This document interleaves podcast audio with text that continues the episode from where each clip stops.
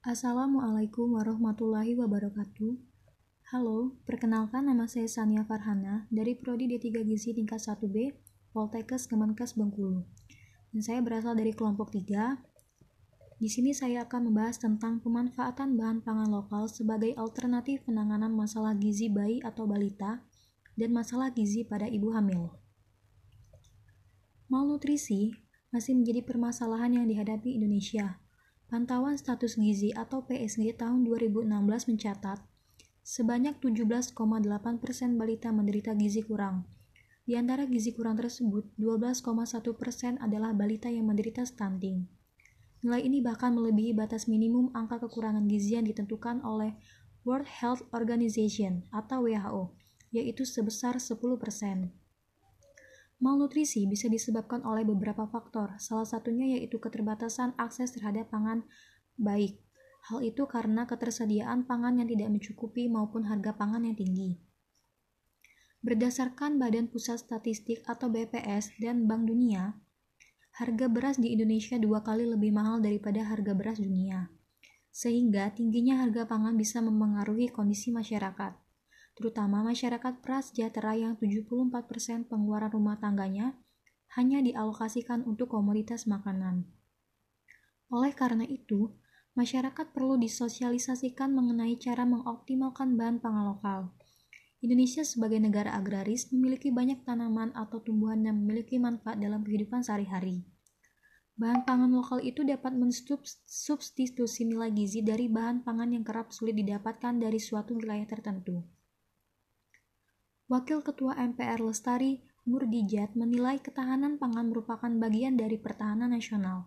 Dia menilai pemanfaatan bahan pangan lokal mampu mendukung pertahanan nasional di sektor pangan, sekaligus memenuhi kebutuhan gizi masyarakat agar terhindar dari ancaman stunting di tanah air.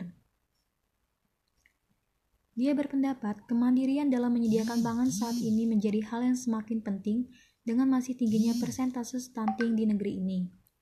Meski hasil survei status gizi balita Indonesia atau SSGBI 2019 terjadi penurunan prevalensi stunting dari 30,8% di tahun 2018 menjadi 27,67% pada 2019. Upaya pemerintah untuk menekan tingginya angka stunting harus dilakukan dengan konsisten dan terukur. Sebab, kata dia, stunting berpotensi menurunkan daya saing SDM nasional. Bagaimana bisa bersaing di kancah global bila anak-anak kita secara fisik dan otak pertumbuhannya tidak sempurna karena generasi penerusnya kekurangan gizi dan stunting. Reri menegaskan, di masa pandemi COVID-19, kekurangan pasokan beras tidak bisa berharap sepenuhnya ditutupi impor dari negara lain.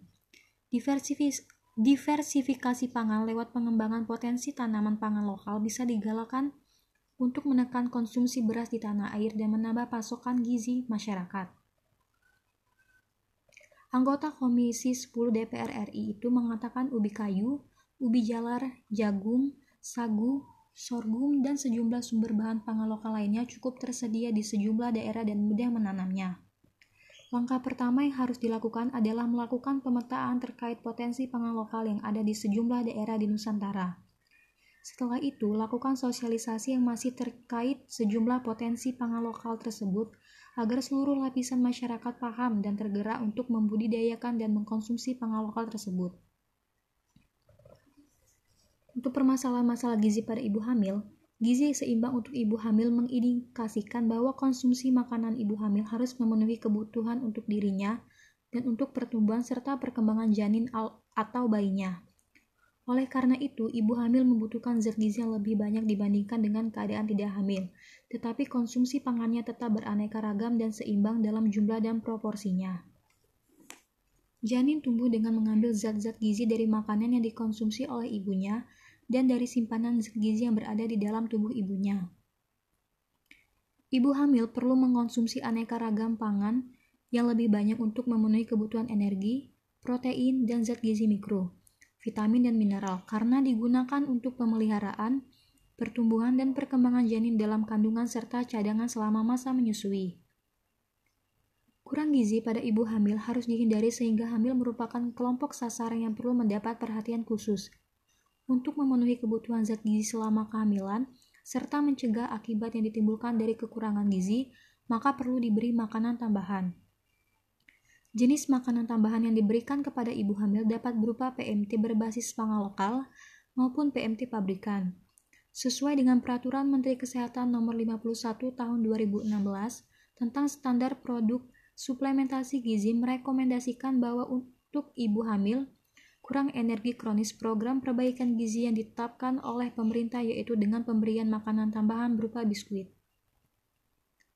Pengetahuan yang tidak memadai dan praktek-praktek yang tidak tepat merupakan hambatan signifikan terhadap peningkatan gizi.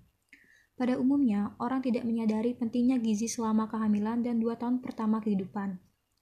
Gizi seimbang untuk ibu hamil mengindikasikan bahwa konsumsi makan ibu hamil harus memenuhi kebutuhan untuk dirinya dan untuk pertumbuhan serta perkembangan janin oleh bayinya.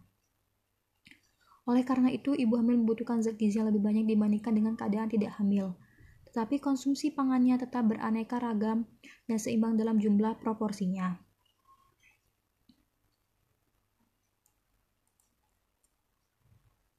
Sesuai dengan Peraturan Menteri Kesehatan Nomor 51 Tahun 2016 tentang standar produk suplementasi gizi, merekomendasikan bahwa untuk ibu hamil, KEK program perbaikan gizi yang ditetapkan oleh pemerintah itu dengan pemberian makanan berupa biskuit, Wortel merupakan hasil pertanian lokal berupa sayuran yang banyak dihasilkan di desa rumah beras tagi. Pada umumnya, wortel biasanya dikonsumsi mentah, di jus, atau dimasak. Ibu hamil juga sangat dianjurkan untuk mengonsumsi wortel. Wortel terbukti memberikan banyak manfaat yang banyak bagi ibu hamil. Warna oranye yang terang mengandung banyak beta-karoten yang berguna untuk perkembangan sel dan jaringan saraf pada janin. Kandungan antioksidan yang tinggi sangat diperlukan ibu hamil untuk menangkal radikal bebas, serta kalsium bermanfaat dalam pembentukan tulang dan gigi bayi. Sistem imun juga lebih kuat selama kehamilan. Wortel dapat meningkatkan kualitas ASI saat menyusui sehingga resiko bayi kuning juga berkurang. Baiklah, sekian pembahasan podcast dari saya. Saya ucapkan terima kasih. Wassalamualaikum warahmatullahi wabarakatuh.